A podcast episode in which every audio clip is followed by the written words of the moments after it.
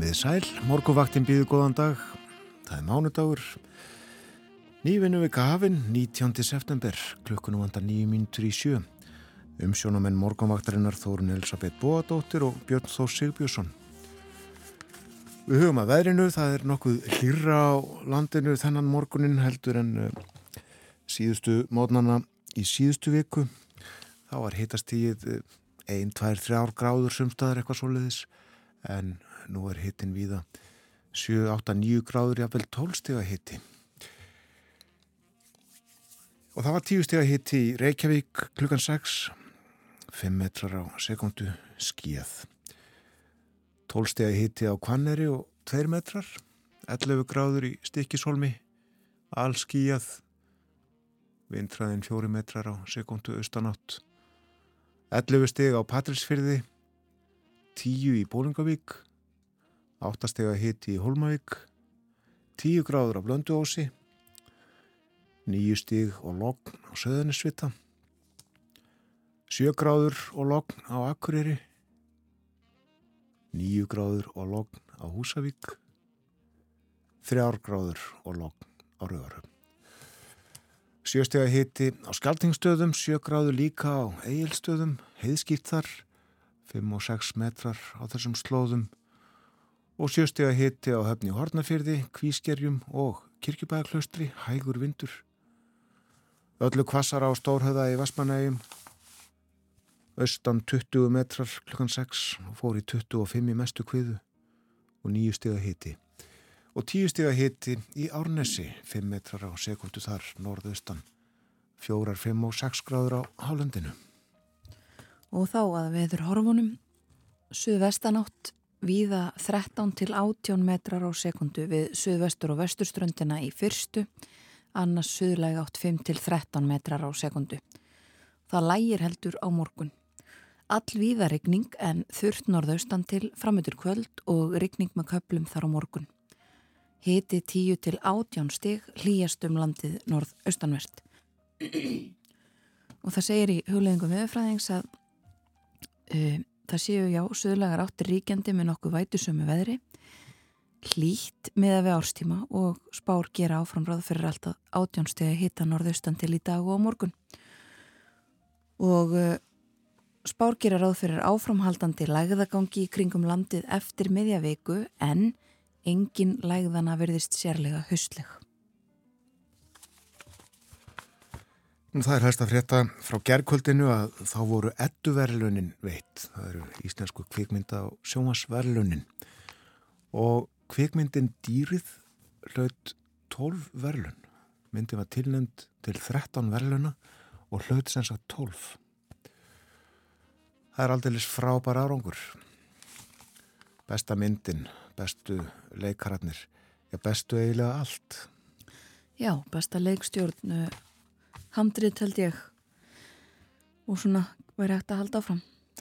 Þráin Bertelsson hlaut heiðusverlunin og uh, hann er á forsýðu morgunblæðsins í dag og með honum Lilja Alfredsdóttir á þeirra menningamála sem að veitti honum viðkenninguna og það er rætt við þráin í morgunblæðinu við kannski vittnum aðeins, grípum aðeins niður í, í viðtalið á eftir. En uh, Við setjum lag á fónin, fyrsta lag uh, þáttarins þennan morgunin. Hér er Judy Garland.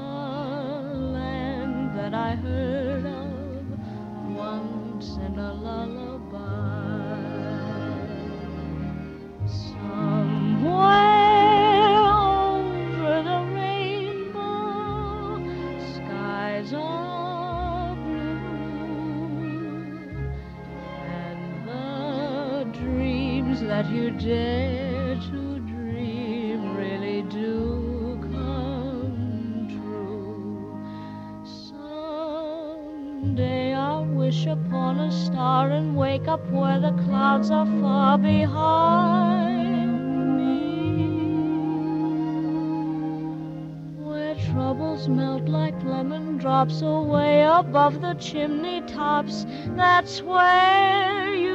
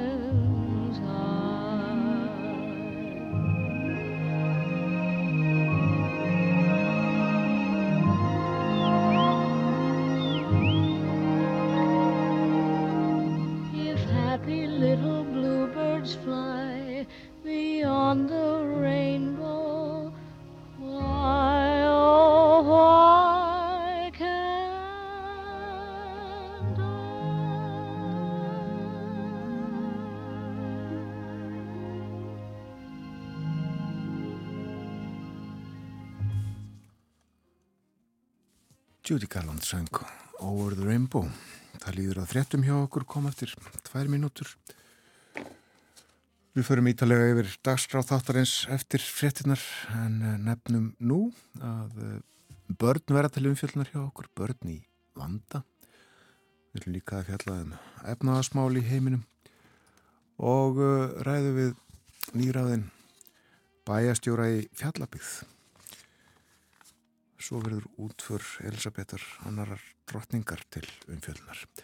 Þetta á fleira til framöndan en uh, frettir hér handa við hornið fyrstu auglýsingar.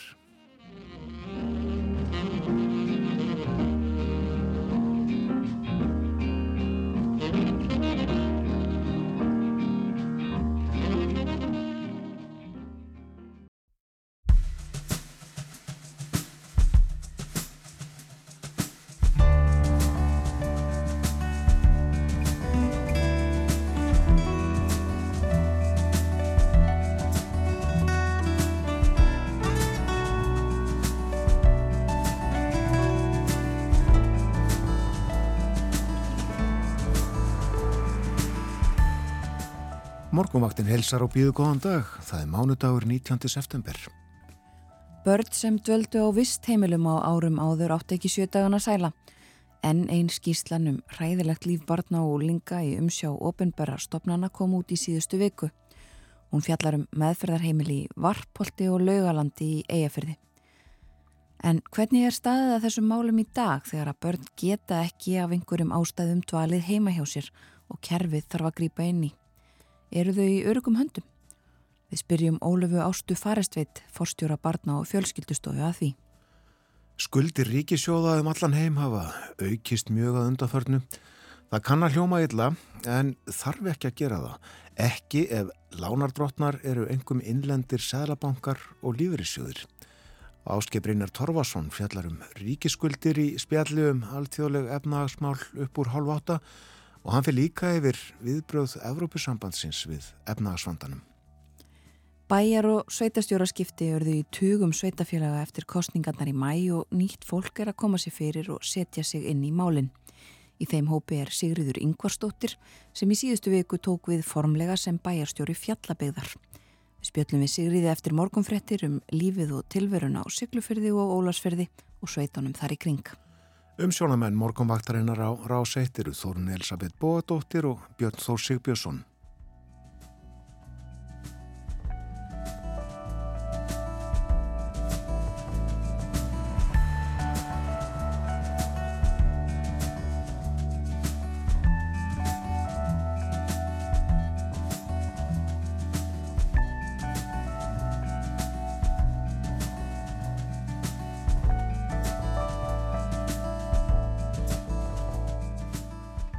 Það nokkur lít á landinu þannan morgunin, hlýra heldur en í síðustu viku, undir lok síðustu viku þar að segja og uh, hitin næstum 20 stig í dag þegar hlýjast verður.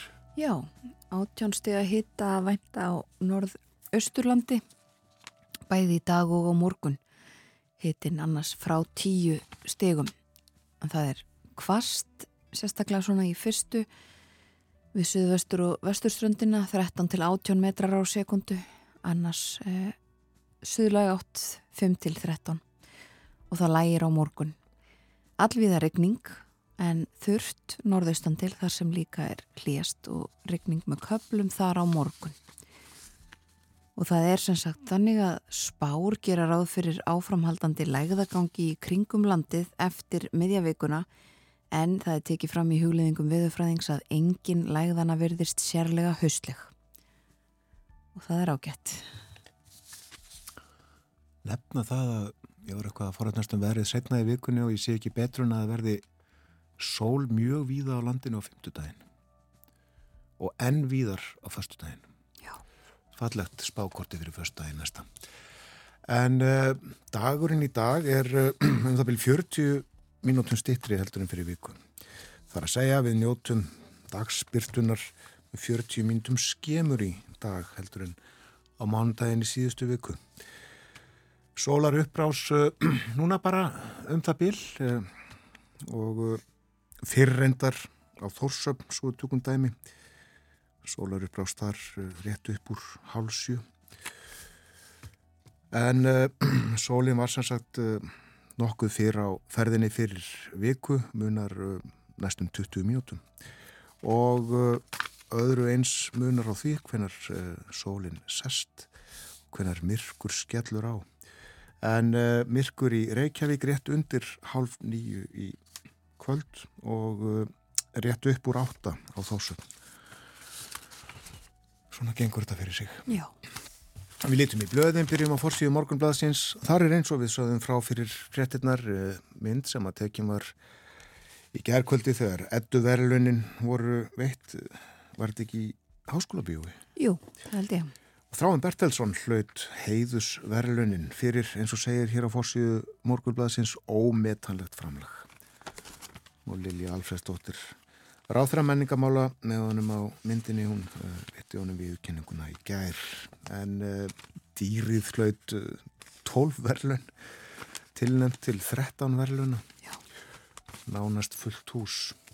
Það er rætt við þráin í morgunblæðinu í dag, spjallarum ímislegt og uh, hann segist aðspörður hafa verið með kvikmyndadellu frá unga aldri og reynd að fara eins oft í bíu og fjárhárin leiði. Oftast hafi leiðin leiði hafnafjörðin þar sem að bóði var upp á breytt úrval klassískra mynda, minna fór fyrir vinsælum Hollywoodmyndum.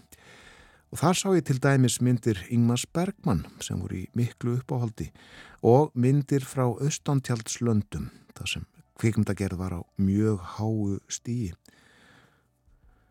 Og uh, svo segir hann, þegar ég var að ljúka stúdensprófi, sótti ég um að komast í kvikmyndanámi í Pólandi og komst að, en rétt áðurinn námið átti að hefjast um haustið, bast tilkynning þess efnis að vegna báks efnahags ástands hefðu stjórnvöld ákveðið að rukka erlenda nefnendur um heiminn háskólagjöld sem reyndust mér ofviða.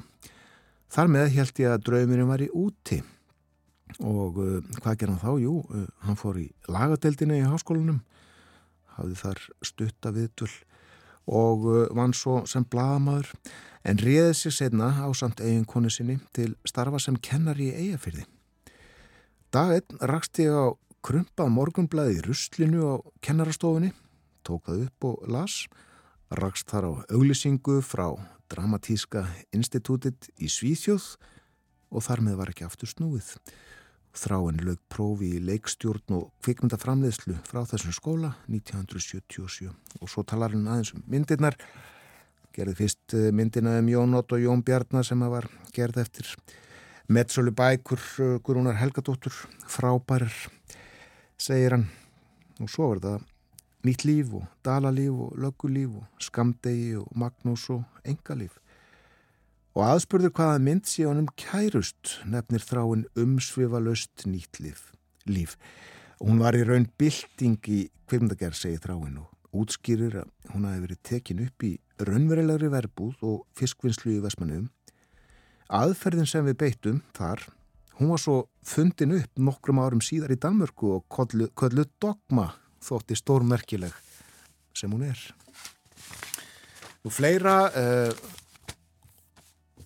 rætt við Sigurd Hannesson, frangatastjóra samtaka yðnaðarins í morgunblæðinu í dag.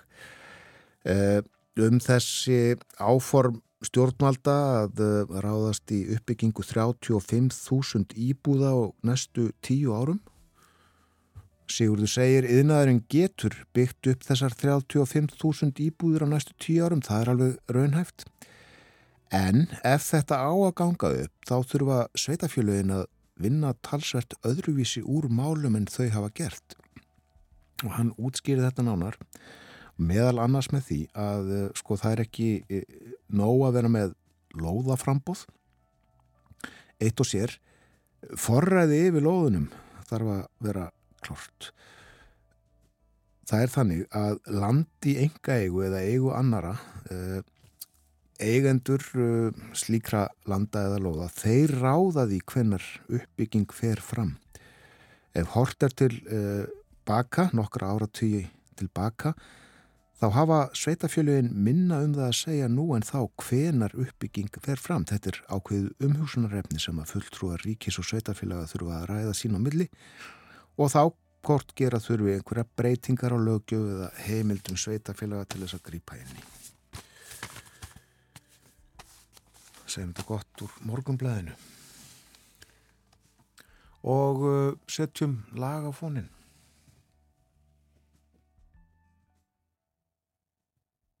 The look of love is in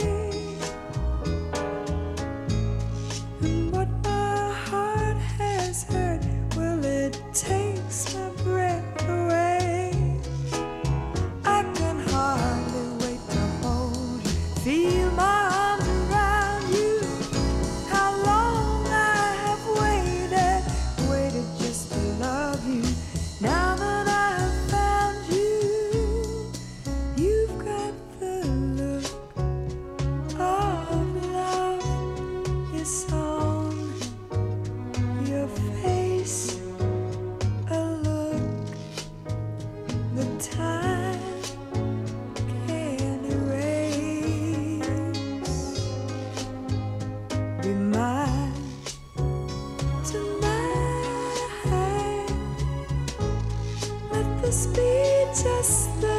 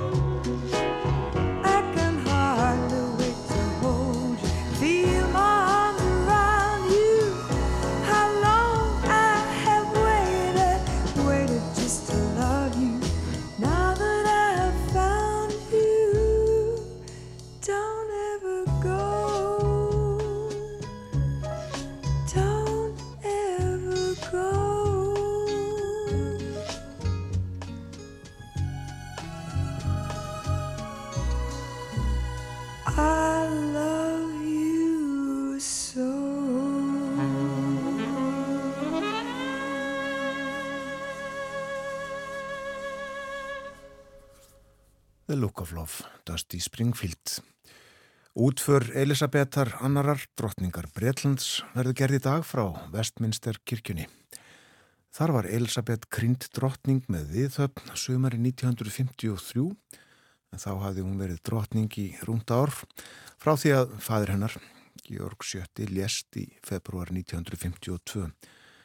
Og það er mikill viðbúnaður í Lundunum og hefur verið síðustu daga þjóðaleðtúar og þjóðhöfðingjar frá vel flestum ríkjum heims verða við útförina og íslensku fostahjónin verða fulltrúar Íslands. Í símanum er Sturla Sigur Jónsson sendi herra Íslands í Lundunum. Góðan dag.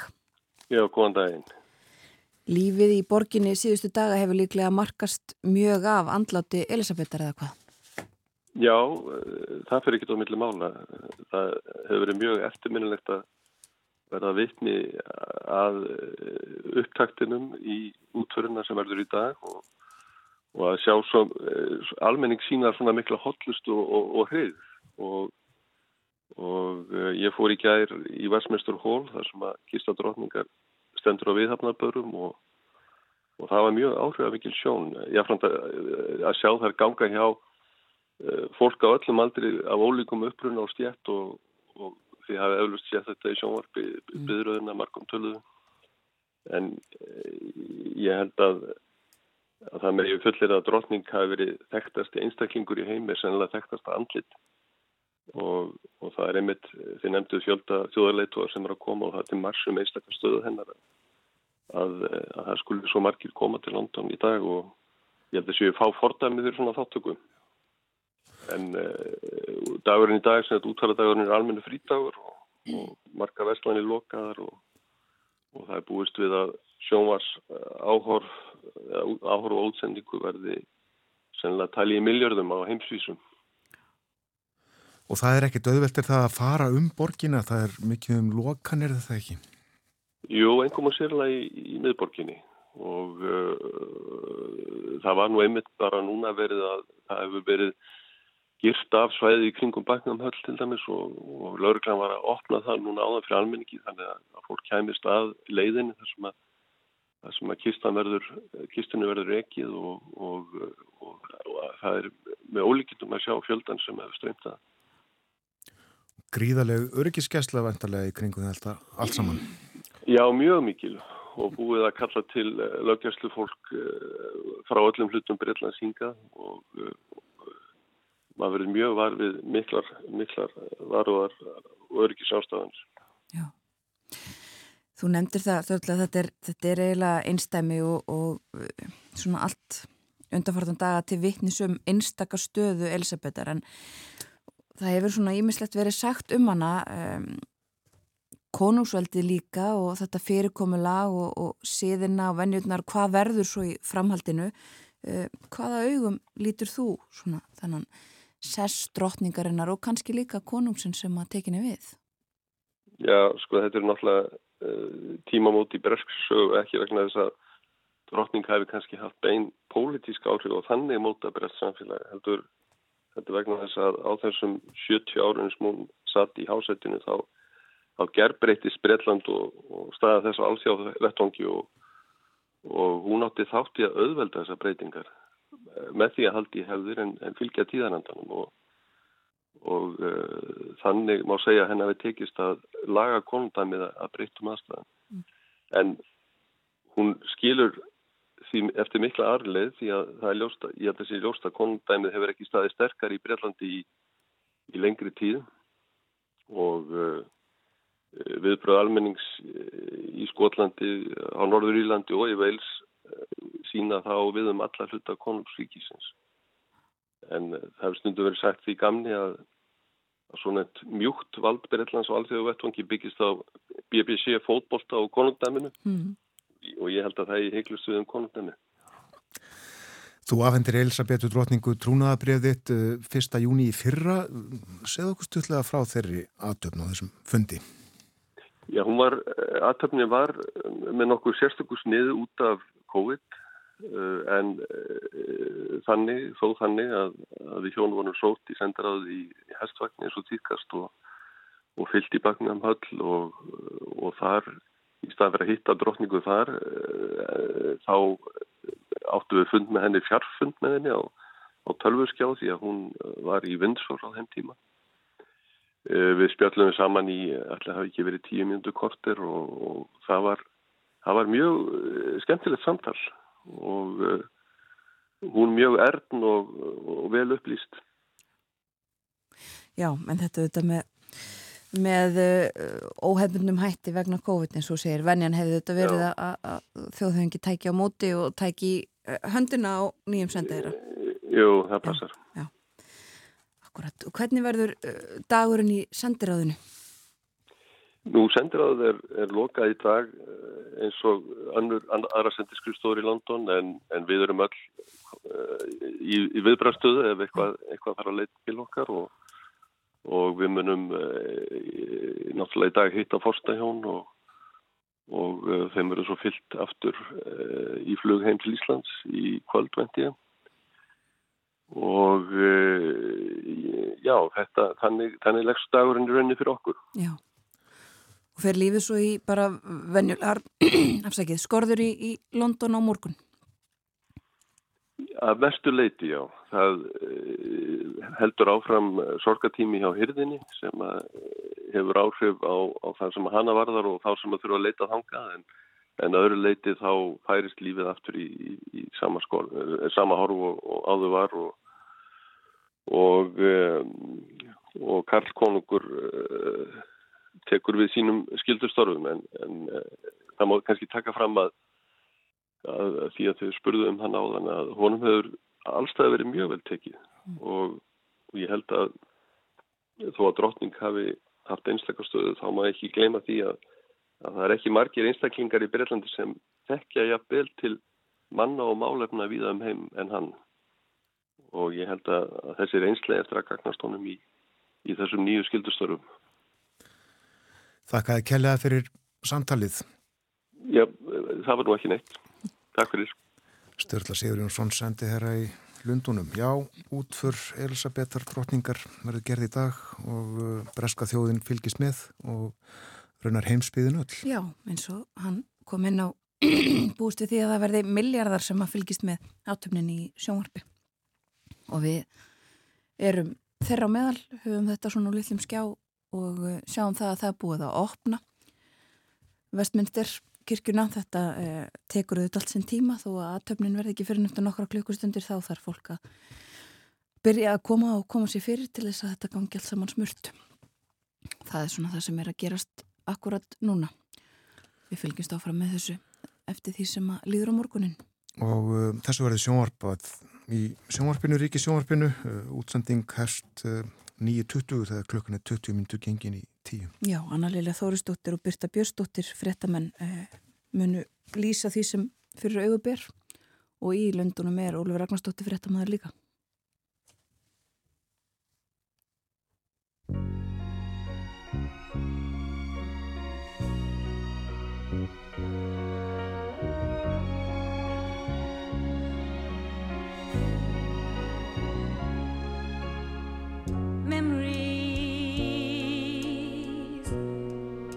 Like the corners of my mind.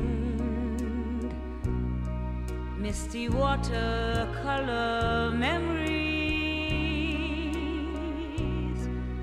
of the way we were.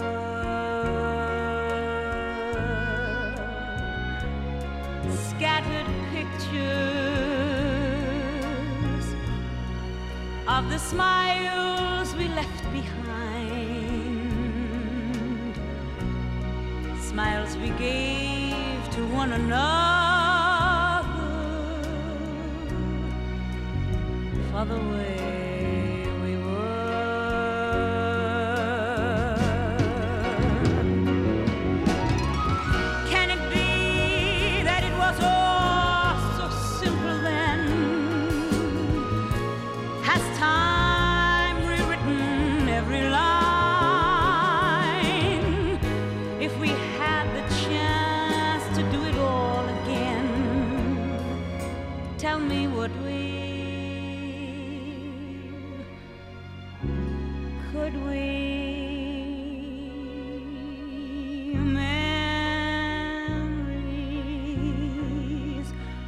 may be beautiful and yet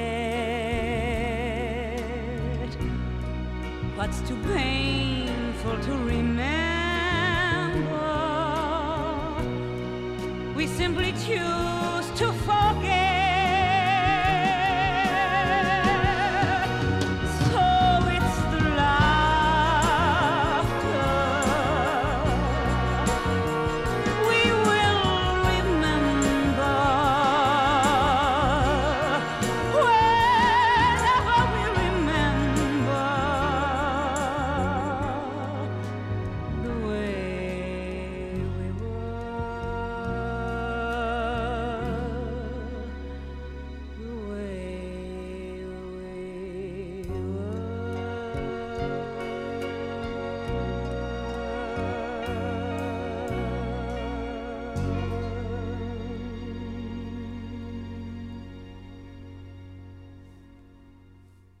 Sjöli Bassei söngum minningar The Way We Were, hér lagið.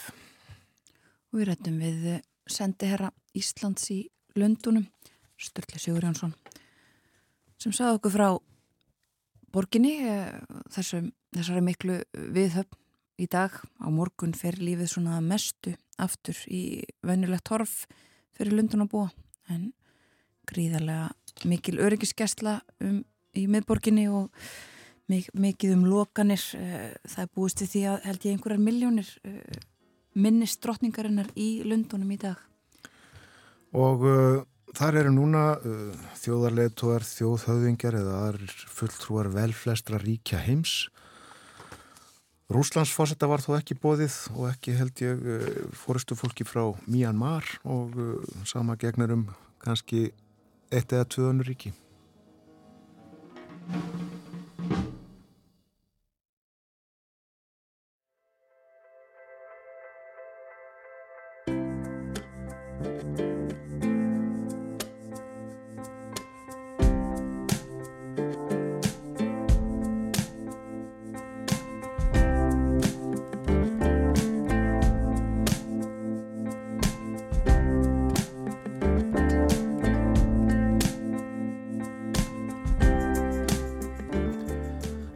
Sæl aftur þér að hlusta á morgumaktin á Rás 1. Það er mánudagur í dag klukkan núna réttliðilega halv átta. Það er ágættis viður á landinu öllu. Hlýtt, sérstaklega á norðausturlandi, alltaf átjónstegi hiti þar í dag, annars frá tíu stegum. Og uh, suðvestanátt svo litið kvast við suðvestur og vesturströndina í fyrstu, alltaf átjón metrar á sekundu, en uh, annars hægara vindur. Allviða rigning, en uh, þurft norðaustan til framundur kvöld, rigning með köplum þar á morgun fínasta haustveður þannig séð þó að það sé þungbúið í höfuborginni núna og eh, lægðir í kortunum næstu daga en þær eru ekki haustlegar að sögnu viðstofunar. Það er skíjað í Lundunum og uh, hittin þar 16, 17, 18 gráður í dag, eitthvað svo leiðis. Og ekki von á regningu þar sem eru ágættist tíðindi fyrir uh, fjölda fólks sem að er nú að koma sér fyrir á götum borgarinnar. Og allt uh, upp í vindsor held ég líka eins og við heyrðum þann í fréttaflitinu það verður uh, margar miljónir sem að fylgja drottningunni. Síðasta spölin eins og það var orðað og miljardar talið að fylgist með í sjónvarpinu um allan heim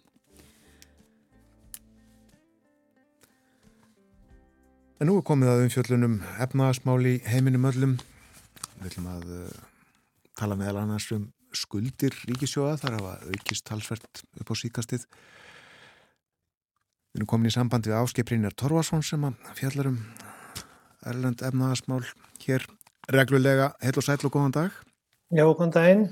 Já, skuldir ríkisjóða, við tölum um, um þær á eftir en fyrsta Evrópusambandinu en Úrsula von der Leyen, nú datt úr mér nafnið hennar, Ursula von der Leyen. von der Leyen, hún er uh, fórsetið frangatastjórnar Európa-sambandsins og held í, gær, held í síðustu viku, já, einhvers konar stöðu eða stefnuræðu.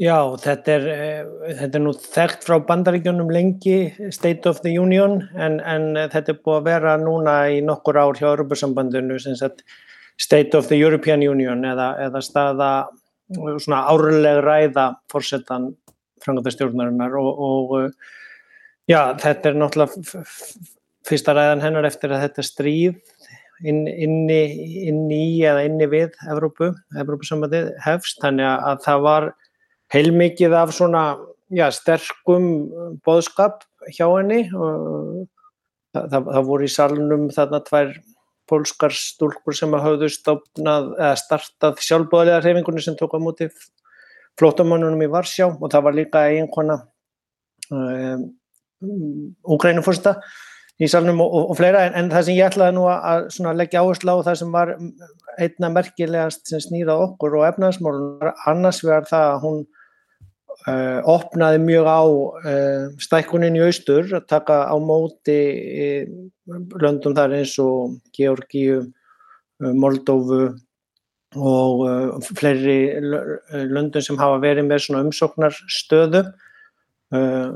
Eins og við eigum nú að vera með líka þó hún sé óverkið okkur og, og, og hún gaf mjög sterti kynna að Úkræna er þið búin velkomin inn í sambandi líka þegar að, þegar að væri búið uppfylla öllu skilir sem þarf til þess náttúrulega. Og, og það má kannski setja það í, í samhengi við síðan frettir sem kom í gær varðandi að það voru settar vissar hömlur á fjárveitingarnar til Ungverjalands, ekki, ekki Póllands en Ungverjalands í framaldi af dómi Európa-dólumstólsins, þannig að það er svona haldið eftir hluta af penningunum frá uh, frangandastjóninni þar til að það er búið að gera úrbætur varðandi uh, spillingu og, og uh, réttaríki. Þannig að þetta þetta er svona kert samkvæmt reglum réttaríkisins og, og það er náttúrulega grundvöllurinn fyrir hins sameiginlega evrópska markað uh, en, en eins og þú gafst upp með í byrjun að þá náttúrulega eru það skuldirnar og hallareksturinn á ríkisjónum sem er, er svona stóra efnahagsmálið í, í öllu Európusambandinu líkt og öllum öðrum löndum heims og þar liggur svo kallahu Maastricht sáttmálinn til grundvallar sem segir að skuldirnar eigi ekki að fara yfir eða eigi ekki að vera, helst ekki að vera meir en 60% af landsframleyslu og hallareksturinn megi ekki vera meir en 3% af, af landsframleyslu. Já, ríki hafa tilhefingu til þess að sapna skuldum. Já, og ríki eru náttúrulega ekki eins og fyrirtæki og þurfa í raun og veru ekki að skila hagnaði eða afgangi en þau verða hins vegar að reka ríkisjóðuna svona nálagt jafnbæði þar að segja tekjur, skattekjur og aðra tekjur ríkisjóðuna þurfa að duga um það bild fyrir útgjöldunum. En eins og, og masterreglun að segja þá, þá er, er svona hægt að lifa með upp undir 30% halla það er náttúrulega ekki gott að vera, vera stöðugt með það en, en það er e, já, lengri e, sjónarönd sem að ríki get haft heldur en fyrirtæki. Þar að segja að það, það er ekki gott að reka svona almannaþjónustu og almannarekstur alltaf með við ársuppgjörð og, og langtíma fjárfestingar líka.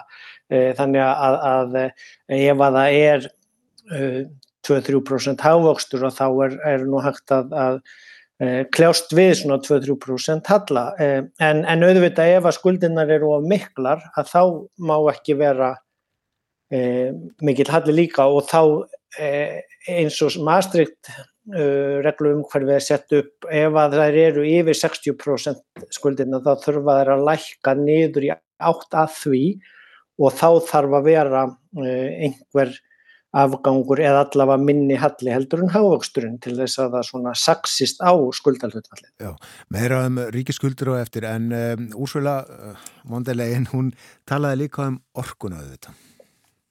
Já, það, það er náttúrulega stóra málið og, og, og verðbólgan er náttúrulega stórum hluta í Evrópu tilkominu vegna um, orku hækkanana og hún um, talaði mjög svona skýrt og harkalega á móti þessum uh, ólöglegu aðgerðum rússana á orkumarkaðanum og þeir væru þar með ekki lengur ábyrgur mótaðili í viðskiptunum og að viðskiptunum yrði hægt uh, og þetta var svo sem e, byrjaði að lega út og eins og við töluðum um held ég síðast þegar það var búið að skrúa fyrir gasið undir því yfirskina að vera viðhald og, og, og síðan er verið að brenna því og, og það, það er búið að gerast síðan þá líka að þjóðverjar tóku yfir Rosneft, e, þar að segja fyrirtæki, orkufyrirtæki í Þýskalandi sem að er að stórum hluta í eigur rúsa og að það var hreinlega,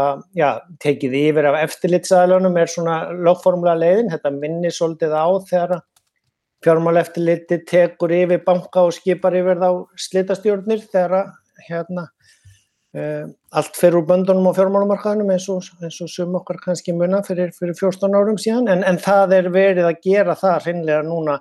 Frakkar voru búin að þjóðvæða hluta af, af sínu kjarnorku uh, uh, fyrirtækja uh, kerfi þannig að, að nú er, er það hinnlega bara já, svona hvað þú segja áframhald af þessu efnastríði sem ég verði að tala um síðan það byrjaði þetta stíða að það er beitt lögfræðilegum, lögformlegum aðgerðum þegar að menn hafa brotið samning og ekki staði við hann og þegar það er ekki hægt að treysta þeim sem örugum mótaðila í orku viðskiptunum að þá er hreinlega bara hm, já, ekki kannski alveg beint hægt að segja að það sé þjóðvægt eða þjóðnýtt en, en það er tekið yfir á eftirlýstaðalum. Þannig að þetta eh, var eh, í Þýskalandi um helgina en þetta sem að Leyen talaði um síðustu viku var hreinlega bara að það myndi verða sett eh, þak á gasi, það myndi verða á gasverðið.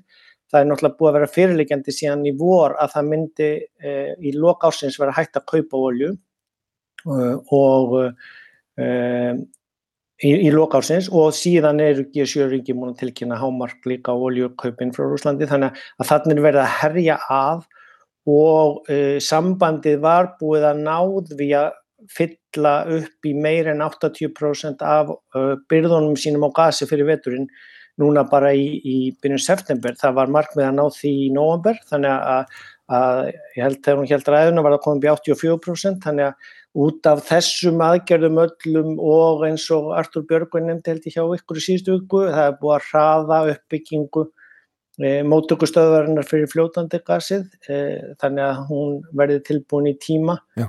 Þetta var fjárfæsting sem að Þískaríki vildi ekkert fara í e, hérna mörg ára áður að því að þeir vildu bara treysta á samstarfið við rúsa og viðskiptum við þá, mæntalega í, í, í, í þeirri trú að viðskiptin myndu tryggja að ekki er þið farið í stríð en það breytist allt við það. Þannig að, að nú er, já, orkuverði líka að byrja að fara niður þegar það sést að þessar aðgerði sambandsins eru að fara að býta, þó við séum ekki alveg búin að sjá nákvæmlega hvernig e, smáaletrið í því að setja þak á gasverði verði útfært. Það er náttúrulega mjög spennandi allavega fyrir okkur nördana í þessu sviði. Annað ekki útfært alveg til fulls uh, skilst mér og það eru kvalreika skattar Já, um, það, það er um, um, samt var hún mjög ofinská með það að það erði náttúrulega til þess að borga fyrir já, lækkunina á gasverðinu og orkuverðinu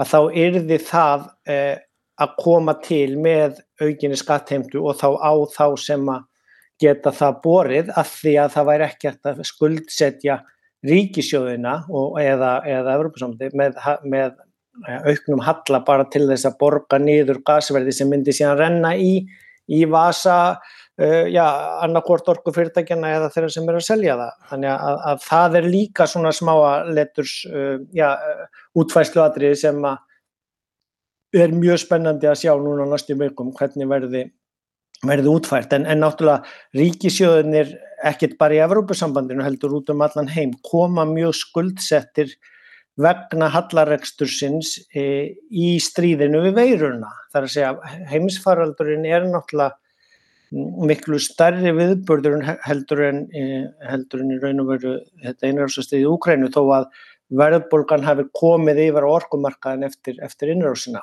en, en þar sem að ríkisjóðunir eru búin að vera bæta við sér mjög miklum skuldum vegna hallarekstur sín undanfærin 2-3 ár að þá er uh, ómögulegt að ætla að fara að bæta enn meira ofan á það núna með, með, með þessum tilfærslum uh, vegna orkukostnaðarins. Þannig að, að það er uh, allavega alveg skýrt frá Európa-sambandsins hendi að það verður gert með, með kvalverkarskvöldum það er nú kannski ekki, ekki viðegandi að tala um efnaðarsmál í Breitlandi í dag en það var samt grein í Financial Times eftir Martin Wolf þar sem að hann var að gaggrína í, í dag í blæðinu mjög harkalega orkupakka tröss sem snýr að mjög miklum lækkunum á orkuverði þar. En það er einvörðungu gert með því að skuldsetja ríkisjóðin og komandi kynnslóður í Breitlandi þannig að það hefur verið gaggrind ekki bara að Financial Times heldur af báðum svona hugveitunum sem fjallum umberð fjármál þar e,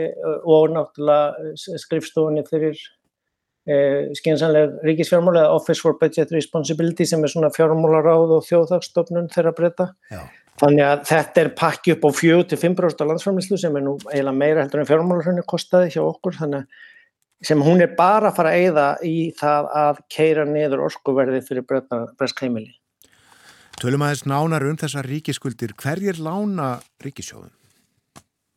Já, það, það er nú mjög mismunandi eftir löndum náttúrulega og, og uh, fjármálamarkaðurinn í heiminum hefur orðið alþjóðavætur á síðustu, hvað ég að segja, svona fjórum áratugum, mjög mikið, þó að það hafi náttúrulega alveg, alveg þekst, já síðan í, í, í kreppunum miklu voru náttúrulega alþjóðlegir líka langveitindur til, til skulda, en, en, en, en það sem við höfum séð svona gerast mjög mikið uh, í heimsfaraldrinum og framhalduna því að þá eru náttúrulega Sæðlabankan er búin að taka á sig töluvert af ríkiskuldunum og, og, og Sæðlabankanir eru í eigu ríkjana í raun og veru þannig að, að, að þetta eru raun og veru skuldir okkar sjálfra til okkar sjálfra uh, og, uh, og það er í sjálfu sér ekkert, ekkert stór vandamál þegar maður er að fara í gegnum stríð eða, eða bara áttu við veiru eða þess áttar uh, atburð sem er ekki, hvað maður segja, hluti af eðlilegum rekstri.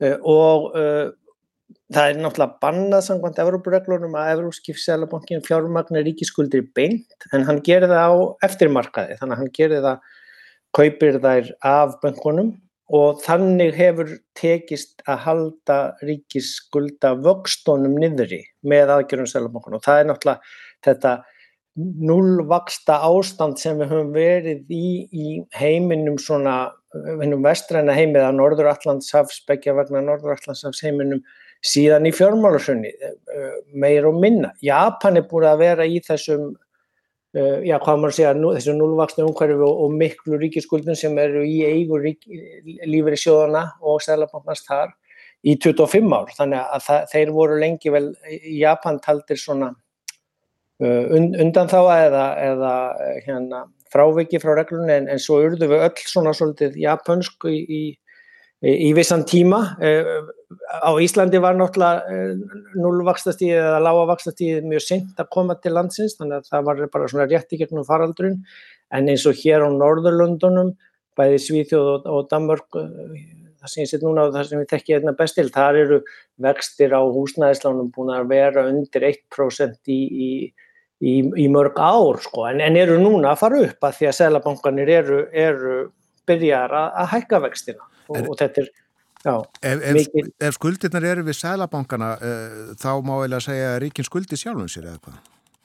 já og, og jafnvel eins og í, í sko Japan þegar að það eru lífyrsjóðin sem eiga það, þá er það líka bara fólkið í heild sem skuldar já, fólkinu í heild en, en auðvitað þurfa að vera vaksta greiðslur fyrir eh, þessar lánveitingar eða, eða, og þeir sem eru að geima penningin lífyrsjónu þurfa náttúrulega að fá ávöxtun á það en, en hins vegar hefur já, verið svo mikil ávöxtun á hlutabrjáðamörkuðum og öðrum eignamörkuðum þannig að e, þegar þú vilt hafa svona jafnvægi í eignasafninu að þá er, þá er e, e, þólanlegt að hafa ríkiskuldir með, með mjög lágum vöxtum að því það eru náttúrulega örugareignir á meðan að svona meiri, meira áhættu samaregnir eins og hlutabrjum, þær, þær hafa gefið mjög fína ávöxtun sem afleiðingu af þessu, þessu lágvaxtastíði. Þannig að þetta er svona hvernig fjármálamarkaðinir í heild hanga saman en, en, en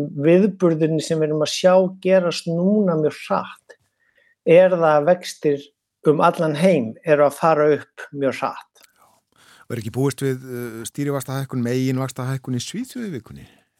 Jú, það, þetta er mikil selabankavika núna, það er bæði eh, Fedin, bandaríski selabankin og Englandsbanki að fara að hækka vexti, búist við hálfu til 75 punktum, jafnvel einu prósti sumir. Eh, og bæði sá norski og, og sá sænski eru að fara að hækka í dag, sá svissneski líka og japanski, þannig að, að það er, eh, það er ég, ég var að hlusta á, það er svona efnahags umræði þáttur í sænska sjónvarpinu, ríkisjónvarpinu SVT á förstas kvöldum, svona eitthvað svona sambland af, af, af Gíslamartinu og Silvrinu um svo, sem fjallar bara um efnaðsmál og, og þar voru nú efnaðsráðgjafarnir sammála því að, að það væri líklegt að það kæmi 75 punta hækkun, þar að segja að þeir, fær, þeir fóru nú bara rétt upp fyrir núlið í, í síðustu hækkun, í núni sumar og verða þá komnir upp í upp í 1 til 1,5% þar uh, En, en menn voru sammála, Anders Borg fyrirvændi fjármálur á þeirra var þarna og fólk úr böngunum, hagfræðingur úr böngunum og þar eh, er, eh, já, svona hræðisla frá bankanhálfu að ef að Sælabankin hækki og mikið að þá muni það valda svo miklum samdrætti og, og valda í raun og veru meiri skada heldur en að ná að, að halda aftur á verðbúkunni en, en menn reikna með kannski svona já, uh, út frá því að þetta muni ganga sæmila vel í Evrópusambandinu að halda lífi í þýska hagkerfinu með því að lækka gasverðið og, og þar sé að verði ekki algjörst, uh, algjörst efnahagsstopp þar að þá uh, reikna menn eða þau allavega þarna þessi ráðgjafar í, í, í þessum sjónastætti og margir af svona hagfræðingum bankana þar reikna með að þetta verði hækkun fram á næsta ár en síðan náist verðbólgan niður hratt og, og að það verði ekki langvanandi eða eins háir vextir í Svíþjóð. Þar sem menn trúa ennþá á lágvaksta tímabilið þar en, en já, við sjáum uh, húsnæðisvextina hér og þar vera kannski komin upp í svona 3, 3% í bandrækjum verður komin upp í 6% af því að Sælabanki þar er já, svona orðin leiðandi í að hækka og hækka hratt og mikið og, og uh, það er svona, já það eru húsnæðisvextinu konum upp í 6% þannig að það, það er ekki alveg eins eins og þegar vorum að byrja að tala um þetta í sumar hvort það væri helmingur hagfræðingarna sem held að þetta væri tímabundi verðbólk og helmingurinn sem held að það væri komin til að vera í svolítinn tíma að núna er okkur held ég svona að fælka í, í, í þeim hópi sem tilur það hann að vera tímabundna en þó allavega í Svíþjóð er, eru menn á því að hún verði stutt og tímabundin og stríði klárist vonandi vor og, og þá förum við svona að komast í eðlert ástand aftur sem að verði eðlert ástand með að við lágavexti áfram en ekki, ekki það að við sjöum að endur upplifa einhvern hérna áttunda áratug þar sem að, að var allt annars konar efnaðarsumhverfi og, og menn hafa náttúrulega líka lært af þeirri e, ja, þeim lærdómi og þeirri þróun. Þannig að, að þetta er nú svona hinn ha, ha, hagfræðilegi debatt sem á sér stað og engin veit náttúrulega fyrir enn þeirra á reynir en, en, en augljóslega eru þessir hækkuðu vextir farnir að býta bæði á heimilin og náttúrulega kostnað bæði ríkisjóðana og sveitafélagana og fleiri aðala við, við skuldirnar. Þannig að, að það veldur síðan enn meiri enn meiri samdrætti og, og, og það er alveg orðið talað ofinberlega um já, við náðum ekki að tala um það síðast við Isabella Snabel, einn, einn af merkilegur hagfræðing og Þýskaland sem er í stjórn Európska Sælabankans önnur konan þar við, við hliðin á Lagarde, svo er hitt allt kallar að, að hún held mjög merkilega ræðu í Kansas í lóka ágúst þar sem hún talaði hennilega opinskátt um bara fórnar hlutfallið þar að segja hvaða þurfi að búa til mikinn samdrátt. Þar að segja að selabankanir eru að búa til samdrátt, það er hægt að tala um að þetta verði einhvers konar mjúk lending. Það, það, það þarf að ná verðbólgunum niður og þá erum við að gefa í með vakstahekkarnar og það mun leiða af sér efnaðarsamdrátt og, og, og, og sumir eru hrættir við að leiða, leiða af sér og mikla kreppu eða og mikinn samdrátt og veldur skada Já. á hagkerfinu og það verða náttúrulega fórnarlum þar sem, að, sem eru, já, þeir veststötu, bæði veststötu ríkin sem er skulda mest og verst stötustu heimilinn sem að skulda mest eða eru með lagstar tekjur. Þa, það er, það er e, já, menn fara ekkert í grafgötur með það. Það er það sem að þetta vaksta hæknana ferli er að valda og, og já, við horfum fram á núna á næstu mánu. Þe- Þetta er nöturlegt, já, það er óhætt að segja það. Við komumst ekki lengra í dag, meira setna, kæra þakkir. Þetta eru óvissu tímar, já, já. Dauðans óvissu tíma eftir Þráin Bertilsson, ég ætlaði að benda ykkur á þá bók. Hann var ekki bara frumkvöðl í, í dogma kvikmyndagerðinni, heldur, heldur líka í, í hrunbókmentum. Skrifaði þá bók fjórum árum fyrir fjórum árum hrunni, en hún lýsir því nokkuð vel. Akkurat. Takk, takk. Takk. Já, þráinn. Fekk í gær eh, heiðusverlun fyrir kvimdagerð, fyrir ómetanlegt framlagsitt, tók á móti þeim á edduverlun á háttíðinni í gær.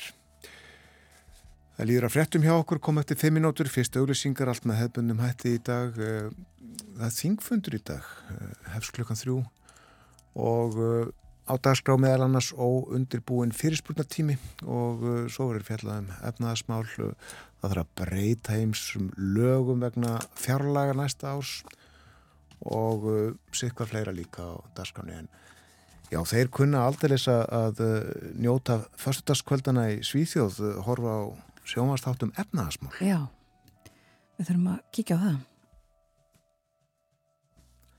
En fréttir eru næstar á dagskrá morgunvaktarinnar, þær kom eftir 5 minútur. Að þeim loknum þá ætlum við að ræða við Sigriði Ingvarsdóttur. Hún er nýr uh, bæjarstjóri í Fjallabygð.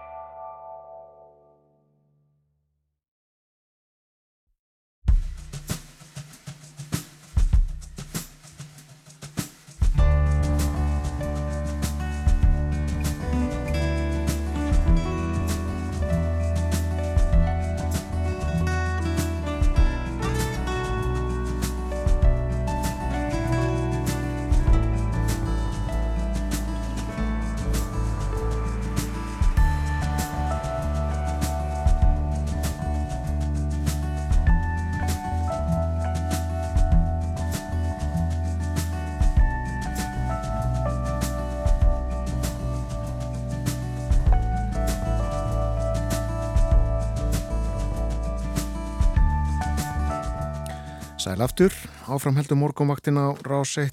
Það er mánudagur í dag komið 19. september, klukkan farin að ganga nýju. Fréttir að baki. Töluðum um efnaðasmáli heiminum hér áðan við Áskipreinar Torfarsson, sérfræðing í fjármálum og enn fyrr í morgun vorum við í símasambandi við sendið herra Íslands í Lundunum. Sturla Sigur Jónsson sagði okkur uh, frá lífinu í borginni, heimsborginni, þennan morgunin og síðustu daga. Heimsbyðin öll fylgist með útför Elisabetar drottningar annarar. Og uh, við erum þar á meðal, sjáum það uh, fólk er farið að taka sér, uh, koma sér fyrir í vestminster í Lundunum og það hafi verið sagt frá því áður að langflestir gestir þeir eru fluttir þangað í rútum.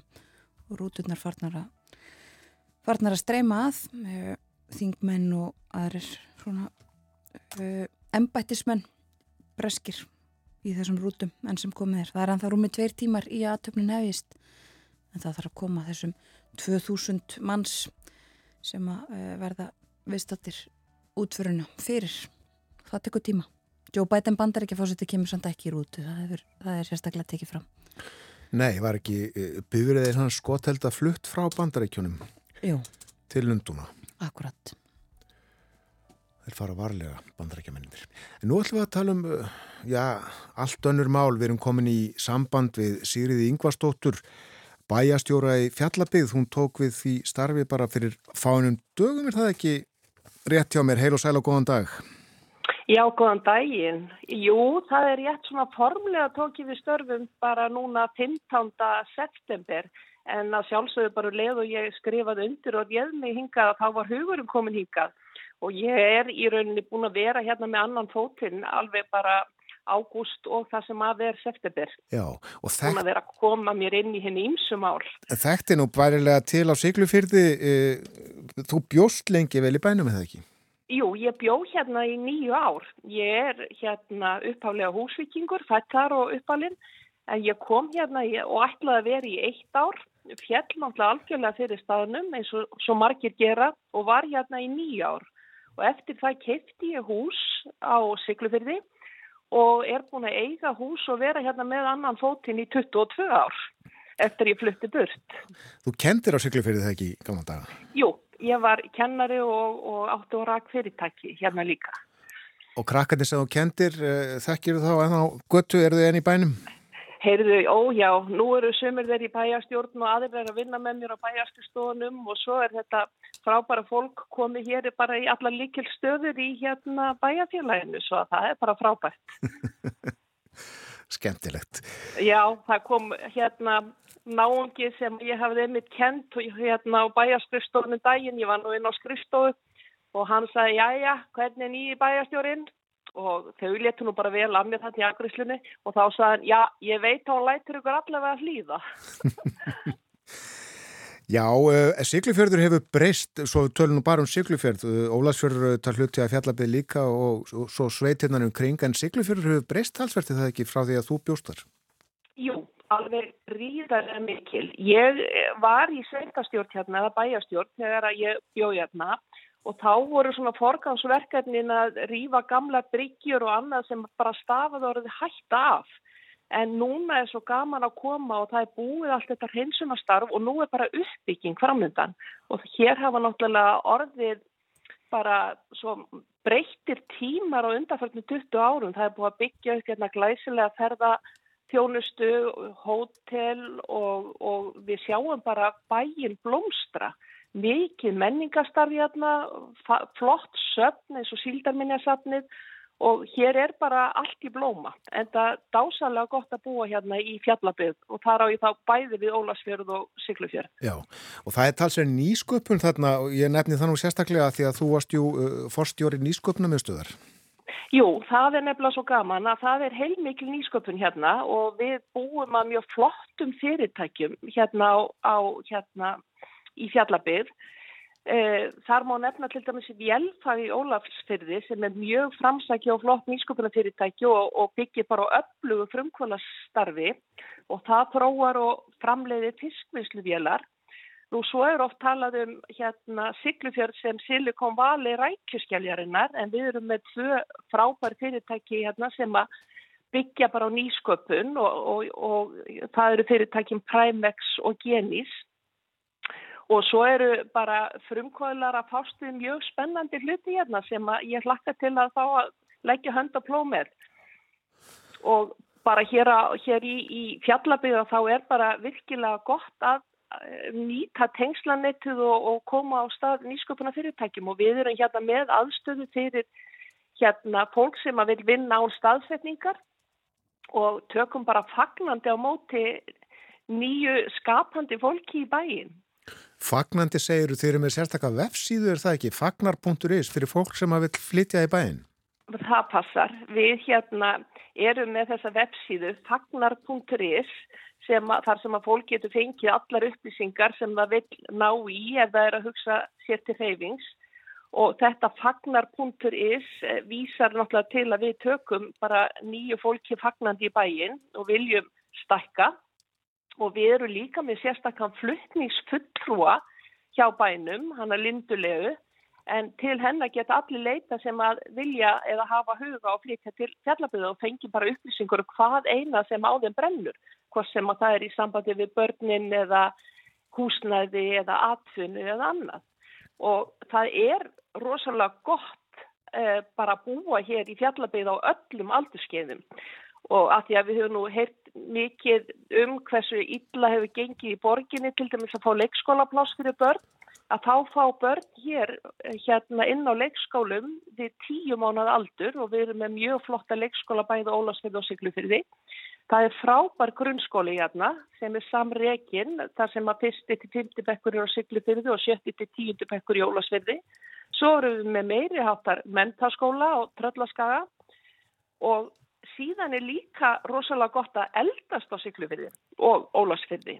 Við erum með að fara á staðum núna með sérstaklega verkefni og áherslur sem að beinast sérstaklega þeim einstaklingum sem eru 60 pluss eða eldri en 60 og þetta verkefni köllum við hátind. Og það vísat alltaf til þess að þeir sem eru komnir yfir 60 séu hátindi lífsins svona þegar að börnin eru farin heimann og vinnu álægi svona farið að mika þá hefur meiri fólk fyrir tíma fyrir sjálft sig og svona ymsa tómstundir.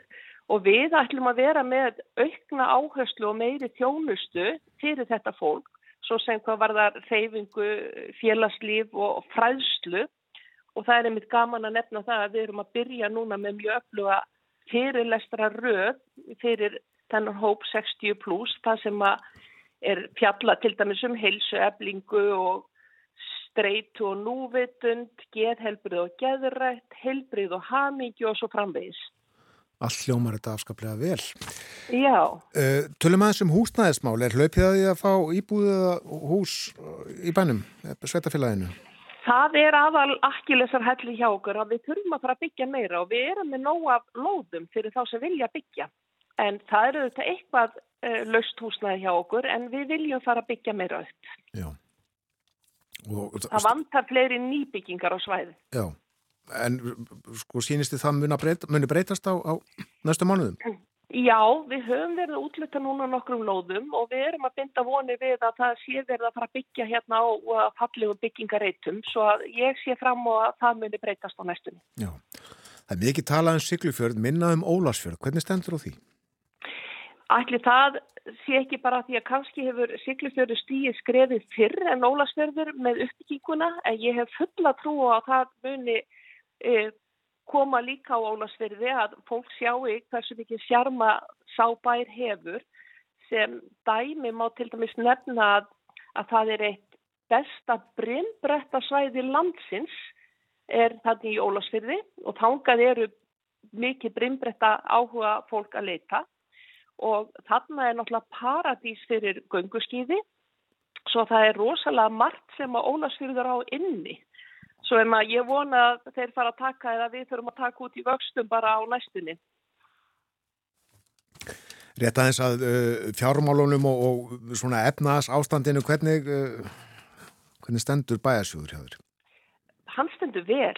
Það er nefnilega af sem áður var að þegar að ég var hérna fyrir 20 árum, bjó hérna og var í bæjarstjórn og þá var þetta miklu erfiðara en núna er bara stendur bæjarstjóður vel og við erum bara á fullu í uppbyggingu. Og hér er líka nóðið að vera, við erum með frábæra golfvelli, bæði Ólarsfyrði, Skeggjabrekkuvell og hérna, á, hérna á Siglufyrði. Við erum með frábær skíðasvæði, gönguskíða paradís, við erum með þvílikar gönguleiðir hérna um allan trölluskagan og hér eru ferðarfjónustu fyrirtæki að hasla sér völl. Við erum með sætóttu fyrirtæki á Ólarsfyrði og við erum með ferðir hér, kajakaferðir hér á Siglufyrði svo að þetta er allt í, í, í hérna góðum gýr hérna hjá okkur. En það tölum við oft um að hér sé lögheimili loksis. Já, og er brosa hverju andliti? Já, það er eiginlega bara ekki tækt annað. Allavega brosi ég hringin að vera fluttingað aftur. Ég veist ég bara komin heim. Ég, ég, heyri það bara að þú ert brosandi í þessu samtali okkar. Já, algjörlega. Uh, auðvitað tímamót hjá þér að, að taka við þessu starfi að vera bæjastjóri fjallabiðar en er ekki rétt hjá mér, varst ekki nýlega líka ráðið í starf rittstýru húsfröðunar? Heyrðu, jú, og það er náttúrulega líka alveg dásanlega skemmtileg starf. Ég var búin að ganga frá því áður en að ég réð mig sem hérna bæjarstjóra hér og það er svo við mig að ég gæti bara ekki hægt við svona strax aftur og auðvitað teki bara áskorun að gera þetta svona á kvöldinu um helgar en það er bara skemmtilegt. Húsfreyjan er náttúrulega frábært glad sem er búið að vera tímaritt sem er búið að vera gefið út lengi af Pentilega samband Íslands og það eru fjögur blöð sem koma út á ári og þarna er maður að ræða endalöst við svo flottar konur sem er að gera svo flottar hluti og bara gaman að vinna þessu með kvennfélagarsambundinu. Og ert þú í kvennfélagi? Nei, ég hef nefnilega aldrei verið í kvennfélagi. Kanski verður breyting þar á. Á gaman að heyri þér takkaði kellaði fyrir spjallin. Njóttu dagsins. Heyrðu sömu leiðis, bestu þakkir hérna, nei, hverjir hérna á norðan. Sigriður Ingvarsdóttir bæjastjóri í Fjallabygð. Og allt gott að frétta það. Við skulum uh, hlusta á tónlist uh, á hljómsveitana Gauta sem að starfaði árum og áratugum saman með hljegum þó á Siglufyrði. Hér er uh, lag sem er Erlend Þorstein Eggertsson samt í textan. Það heitir Ást er.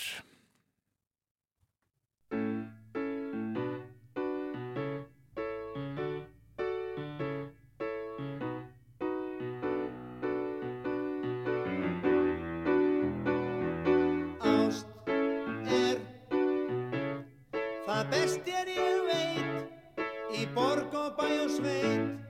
Og hvað sem ég er ég ástar öllin ber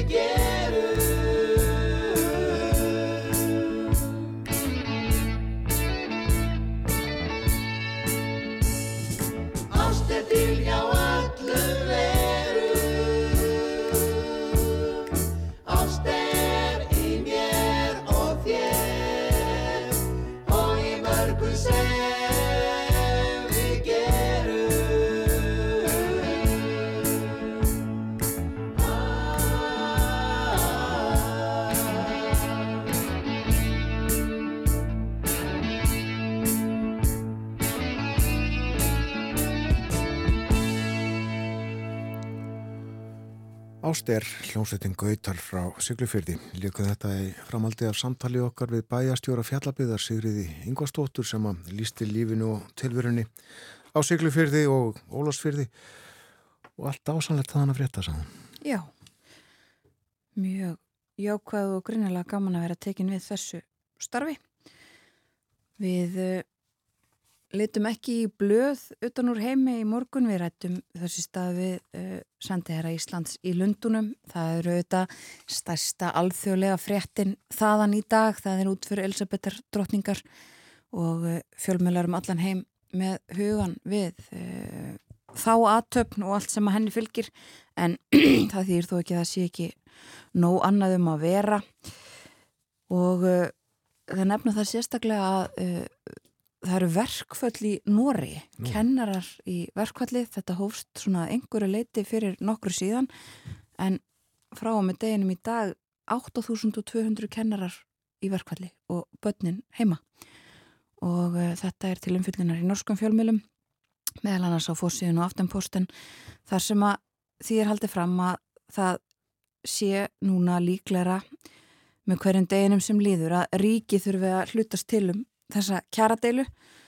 Það þurfi að fara með þetta fyrir kjaradóm í Nóri eh, vegna þess að já, það eh, verðist allt bara eh, vera í lás. Það voru einhverjir samningaföndur um helgina sem ekki fóru vel og eh, staðan alvarleg eh, ekki síst fyrir börnin og sagt hér í frétt á norska ríkisútarpinu að börnin hafi þólað nóg uh, í gegnum heimsvaraldur og uh, þau þurfi einfallega uh, rútínuna og, venjulega skóladaga aftur. Þetta er stort umfyllunarefni í í þessa dagana. Ekki bara kjara viðröður á Íslandi en það eru þetta framöndan. Líka hér mikill kjara vetur ef svo má segja og það bárust þær frettir líka um helgina einmitt tíðendi af þeim vettvangi ef svo má segja uh, Ragnar Þór uh, Ingólfsson formadur var ferra ætlar að gefa kost á sér sem fórseti ASI og Solveig Anna Jónsdóttir formadur eblingar sem annar var að fórseti þar þing ASI fer fram um, 10. til 12. oktober næstkomandi annars konar þing í, dag, þingfundur og alþingi og líka fundir í uh, fjölmörgum nefndum, þar er allt uh, komið á fullt eftir þingsetningu í síðustu viku. Fundir bæði í alþjóðanemndum og uh, nefndum þingsens og ímislegt á dagskroni áður en að þingfundurinn teku við klokkan þrjú og þá verða óundibúna fyrirspurnir.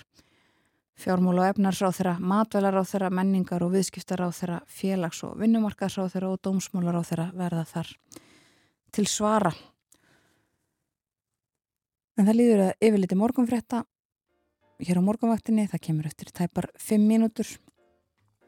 Að því loknu kemur til okkar Ólef Ásta Farstveit, hún er forstjóri barna og fjölskyldustofu. Við ætlum að ræða við hana um uh, það hvernig tekið er á málefnum barna í uh, kjærfunum okkar í dag. Í síðustu viku var byrt nýjasta skýslan uh, þar sem að framkýmur ímislettum slæman aðbúnað barna á heimilum um, í heimilum hins ofinbera á liðnum árum. Þú ætlum að spyrja hana hvernig staðið er að þessum málum öllum saman í dag.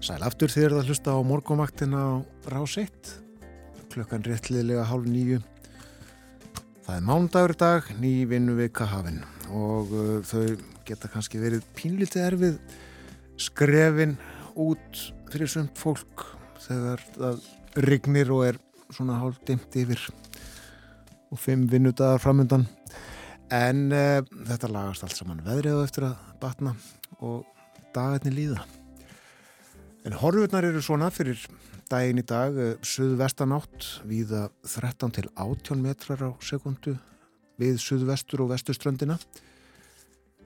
Annars suðlag átt 5 til 13 og það lægir heldur á morgun. Og all viða regning í dag en þurft norðaustan til fram undir kvöld og regning með köplum þar á morgun. Og hitti í dag 10 til 18 stig það verður hlýjast um landi norðaustanvert. Börn sem að dvöldu á vistheimilum á árum áður áttu mörg hver ekki sjö dagana sæla. En einn skíslan kom út í síðustu viku sem að segir frá hardræði og ofbeldi af erfiðu lífi barna og ungmenna í úræðum á vegum yfirvalda. Hún fjallar um meðferðarheimili í Varpolti og síður laugalandi í Eyjaferði. En hvernig er staðið að málum í dag þegar að börn geta ekki dvalið heima hjá sér af einhverjum ástæðum og kerfið þarf að grípa inn í? Til okkar er komin Óluf Ásta Faristveit, hún er forstjóri barna og fjölskyldustofu og við ætlum að ræða þessi mál næstu mínúturnar. Velkomin á morgumvaktina. Takk fyrir. Um, aðeins að þessari skýrslu og, og þessu síðar en uh, mér langar að byggja þig til að byrja með um að, um að segja okkur frá þeim úrræðum sem batna og fjölskyldustofa býr yfir. Já, það er einmis konar úrræði en hérna sem að við erum með batna og fjölskyldustofa var stopnun núna fyrsta janúar á þessu ári og er ný stopnun á, og batna vendastofa var lögðið niður þá.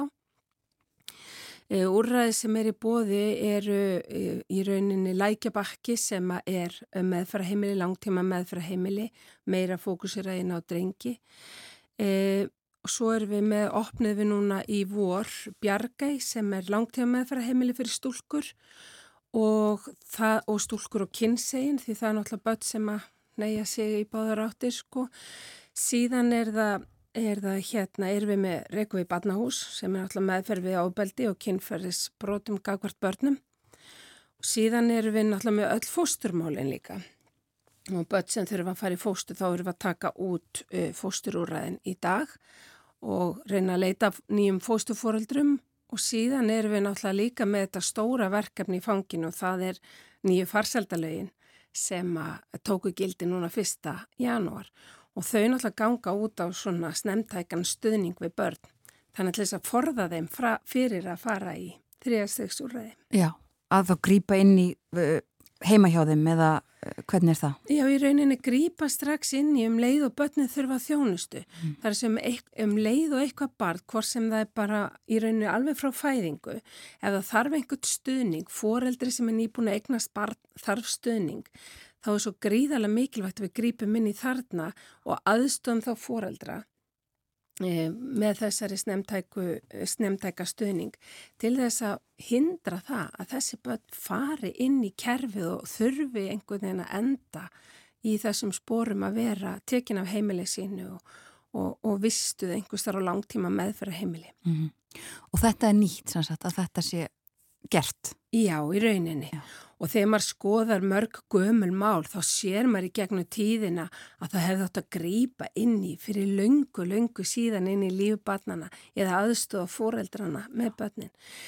Þannig að það sem við náttúrulega erum að gera núna er að e, virkja skólakerfið, heilbriðiskerfið, e, heilsugjæslunar, e, mæðraverndina, ungbarna eftirliti alveg frá upphafi til þess að lesa í og skoða er einhvers þar eitthvað sem að hægt er að bregðast við þannig að batnið eigi góða og, og hérna gott, gott, góð uppbyldi skilir þið bara til framtíðalitið. Og gengur það vel? Já, við erum náttúrulega bara að byrja. Þetta er, er, vera, þetta er fimm ára einleðingatímabil sem er áallega. Við erum náttúrulega bara stækka og stækka þessi stopnu núna til þess að bregðast við þessu sem að, sem að ásmundur Einar Daðarsson eh, kom á og hérna um ármótin og hans ráðuneyti og það gengur mjög vel en þetta er svona innleggingaferðlautur hugsana breyting hjá fólki. Það þarf að skólanir bregði strax við að þessi skipaði tengiliðir fyrir batnið í byrjun. Að bat fái málstjóra þegar það komi kannski upp á annar stíð og þar svolítið sértakann stöðning og það gerir það verkum að allir fóreldra og öll börn ætti að fá sömu þjónustu inn í kerfinu samakort út með fóreldra sem berst fyrir barninu sínu eða fóreldra sem á við einhverja erfileika stríða og getur ekki farið að leita eftir greiningum eða leita eftir stuðningi við barni sitt frá byrjun. Já. Langar aðs að stoppa þarna, þú sagði sko fóreldra sem berst fyrir barninu sínu, við heyrum endalöst sögur af fóreldra sem einmitt þurfa að berjast við kerfið að mm -hmm. fá eðlilega þjónustu fyrir krakkana. Já, hvernig, hvernig má það vera? Það er náttúrulega það sem er kannski líka vandamál og það er og það, þetta á ekki að þurfa að vera svolítið og þess vegna eiga þessi lögsaldi að dekka meðal annars þetta og það er okkar hlutverk svolítið að þjálfa og fræða og hafa svo kallega verkværa kistu fyrir fólk sem er að vinna með börnunum þar segja til þess að geta beita sér snemtak og þjónustu. Það er að segja að tengilegu kannski sem gæti verið innan skólans hjálpar þá barninu að fá þá þjónustu sem það á kannski rétt á eða er í bóði hverju sveitafélagi fyrir sig. Þannig að það er, skiptir svo miklu máli en þetta náttúrulega Þetta þýðir það að allir þjónustu veitendur við börn, hvort út með heimilistleikni, einhver staðar, einhvern í kerfinu sem að e, það er að vinna bara með barn, hafi upplýsingar um þessa samþætta þjónustu. Þannig að hann geti miðla til foreldra, þetta er í bóði. En foreldra þurfa sjálfsög alltaf að skrifa undir samþættingunum, en að sé samþættingunum fylgur það í sér að þú má deila upplýsingur um á milli fagaðila, ekki bara frítt en það er háð ákveðunum skilurum. Hvað þurfa mörg börn stuðning eða þjónustu eða, eða heimili?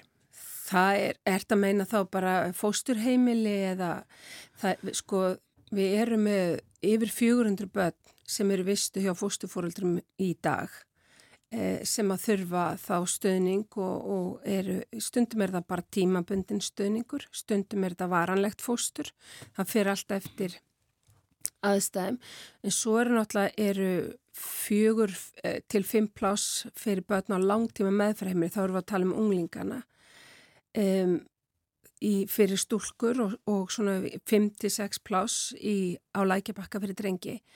Síðan erum við náttúrulega með MST-teimi sem að er að sinna alveg gríðala mörgum unglingum á hverju ári. Batnahúsið er með tæbla 500 mál kannski á ári.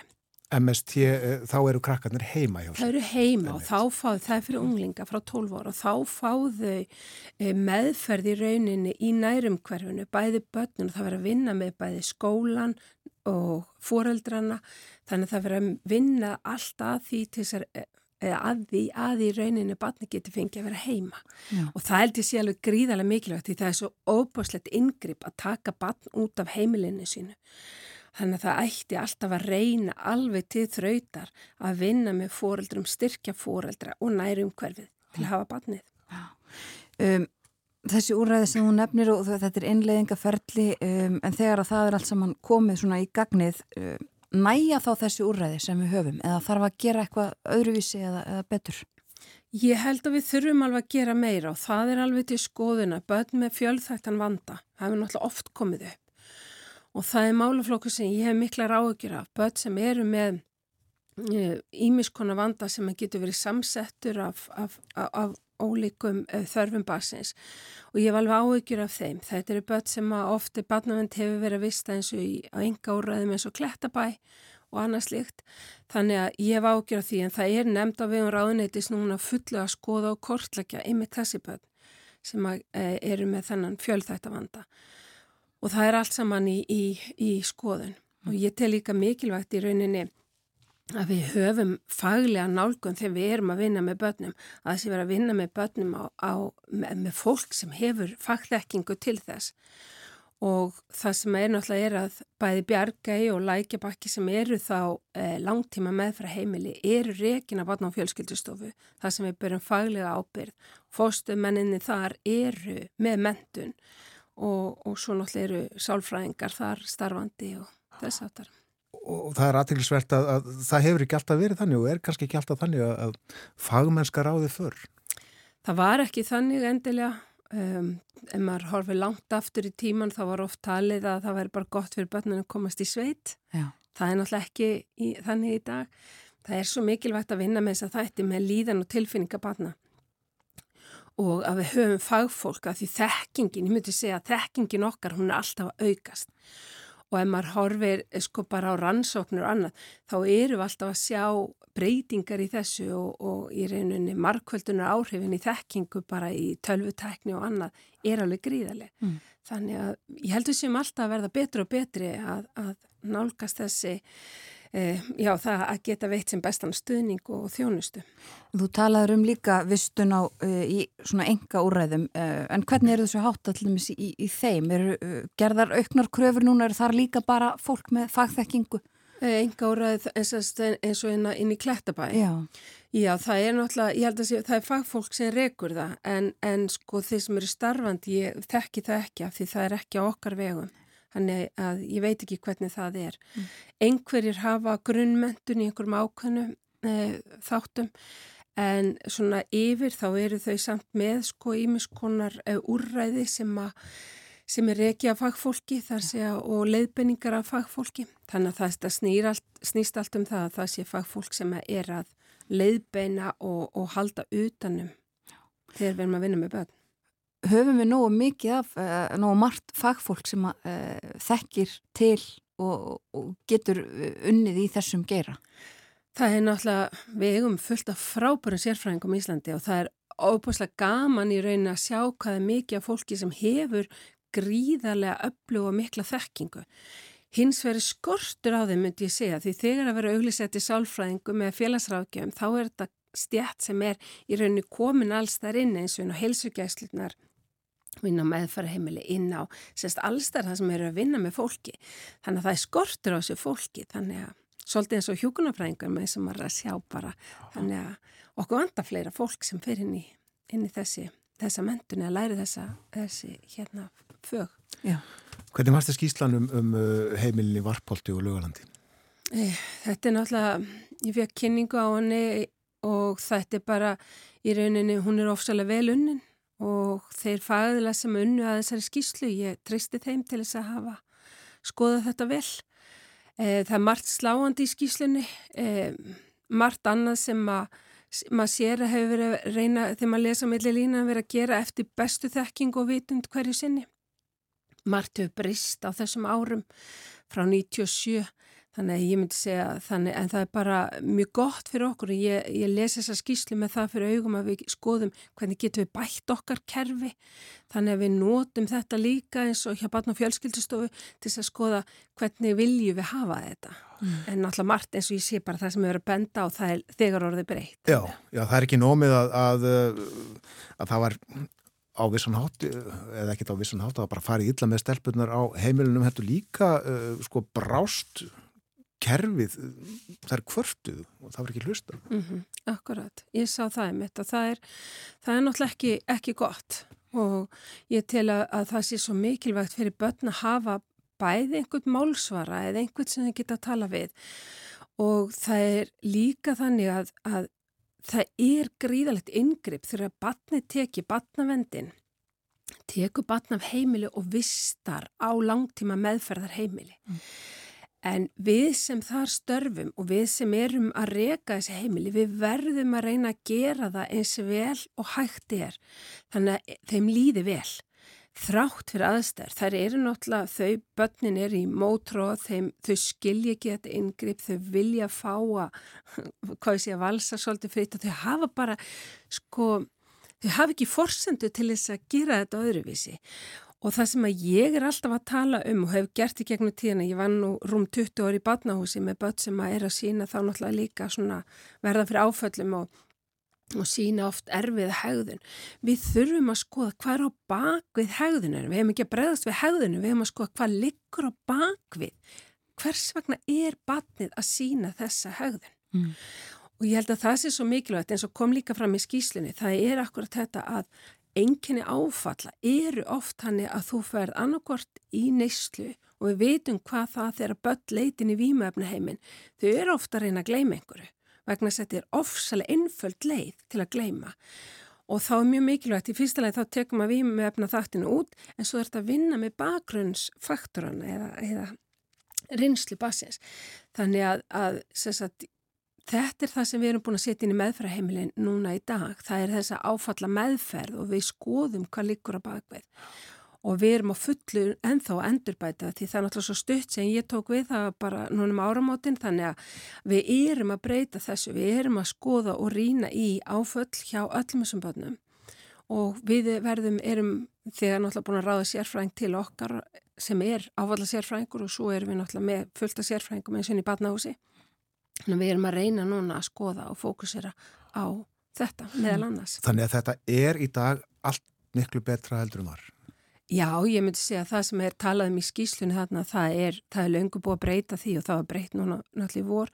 Það sem er annað er að þegar maður horfir á þennan tíma þá var þetta fjölskyldu heimili og batnavendastofa rak fullt af svona fjölskyldu heimilum sem voru eins og líka gaggrind í skýslunni illa mannað og við veitum alveg hvað það gerir þú þetta eiga við gríðarlega erfi börn sem er í miklu mótrú og þeim líður illa og þeir eru ekki með nægilega góða mönnun sem getur tekið utan um og sint hverju barni líka einstaklingslega þá náttúrulega bregst eitthvað mm. en, en hérna í dag er það þannig að barn og fjölskyldistofa rekur þetta þannig að það er ekki þessi engareknu meðferða heimili er ekki til lengur þannig að Og það er hlustaði ef það er kvartað?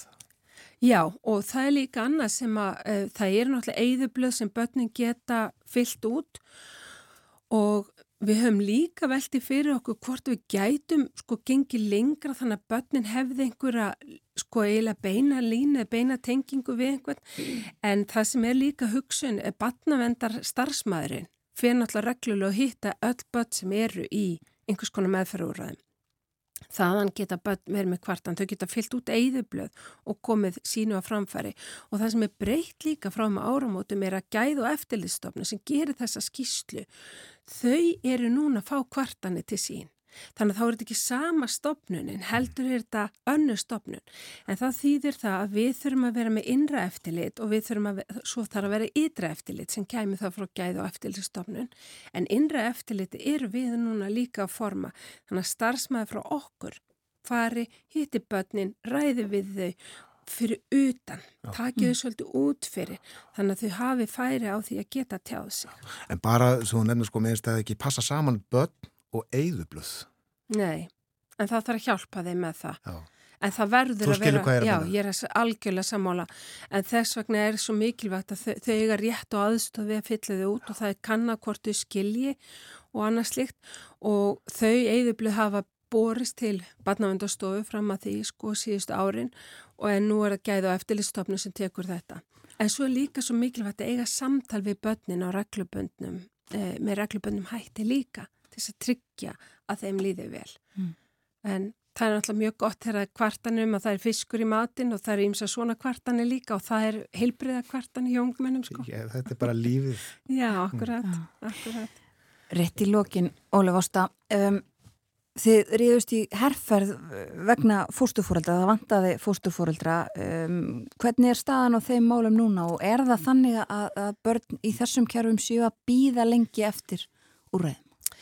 E, sko, yfirleitt er það ekki, sko, það sem er mjög mikilvægt að þetta er mjög flóki kerfi, fóstufóreldra kerfið í rauninni vegna þess að við batnavend setur ákveðin skilir eins og varðandi hvernig eh, hvar börnin eru vistu, hvort er út á landi eða hvort er inn í höfuborgarsvæðinu. Eh, við fengum gríðarlega eh, margar fyrirspörni og, það í rauninni, ef ég mann rétt þá þreföldust eða fjórföldust fyrirspörninar eftir fjölmjöla um fjöllunina sem ég til alveg gríðarlega gott.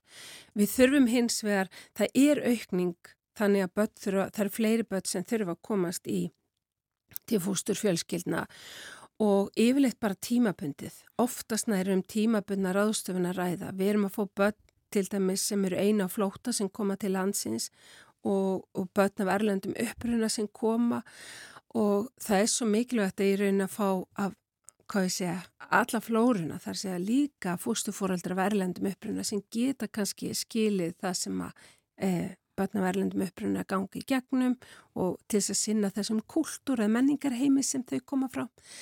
En það er svo mikilvægt að við getum passas, að það passi svolítið saman fóstufóraldrarnir og börnin. Og svo erum við náttúrulega börn sem eru með e, mikinn vanda stundum og það er sérstaklega unglingar og það sem við erum líka að fara að gera núna sem er þá nýtt er að auka þekkingu fóstufóraldra, að þau viti hvernig það bregðast við. Það er að segja að barni er að skada sig með sjálfskaðandi hegðun að þau viti hvernig á að bregðast við þeim málum eða börn sem verða fyrir áföllum að þekkingi sé líka til staðar hjá fóstufóldrum. Af því eins og fóstufóreldrafélagi eða félag fóstufóreldra sagði að þá að hérna þetta er ekki innótt að vara fóstufóreldra og það er alveg rétt. Við þurfum að geta tryggt að þessi fóstufóreldra sem við þau höfum séu til staðar yfir lengri tíma og það held ég sé alveg gríðarlega mikilvægt og við erum náttúrulega í þessari herrferð og ætlum að sinna þessu eins vel og við getum með fræðislu og, og, og stuðning við þessa fóstufóreldra sem eru starfandi. Já, en er það þannig að það er núna eh, inn í kerfinu einhver fjöldi barna sem að þyrti að komast í fóstur en, en hefur ekki komist? Mm, Það er náttúrulega einhver byð eftir fóstufóreldrum og sérstaklega er það kannski að, að það er byð eftir því að, að hérna kannski börn sem að er krafa um að séu höfuborgarsvæðinu eða einhverstar, það er einhverja kröfur og þá getur verið byggð. Annars eru e, fóstufóraldra yfirleitt til staðar eins og til dæmis þegar það er skyndilega. Þannig að þetta yfirleitt gengur þokkalega vel En eins og ég segi, það er alltaf fleiri og fleiri börn sem þurfa á þessari þjónustu að halda. Þannig að við þurfum að hafa fleiri fóstufóreldra heldur en fóstubörn til þess að hafa alltaf eh, geta brugðist við strax. Mhm. Það verður að taka kannski börn af heimilum alveg eh, skyndilega þannig að þá þarf að bregða strax við því. Já. Og það er barnavendin sem er að sjá, eða sveitafélagin. Og uh, rétt í lokin, uh, sko, þetta er, það er búið að gera greinlega greiðlega breytingar á öllu og, og lögum og, og kerfum. Um, hafið þið allt sem þið þurfið, uh, fylgir hugur máli í þessu hjá yfirvöldum?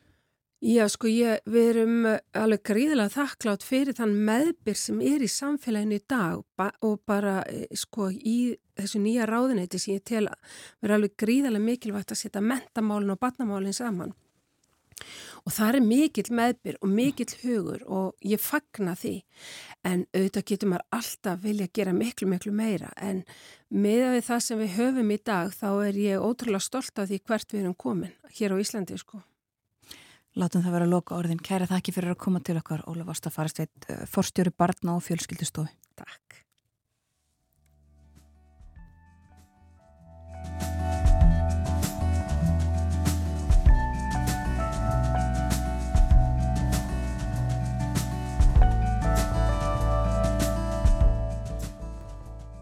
Og svona líkur morgunvaktinni í dag. Ólaf Ásta Faristveit, forstjóri barna og fjölskyldustofi var hjá okkur. Við töluðum við hana um stöðu uh, barnavendamála á Íslandi í dag. Tilefni þessi skýrsla sem kom út í síðustu viku. Svo síðasta í, í já, röð uppljóstrana eða upplýsinga um uh, á börnum uh, áður fyrr.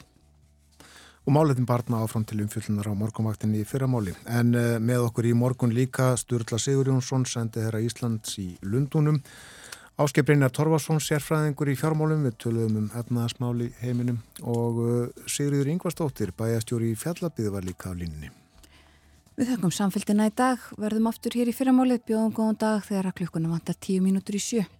Verðið sæl.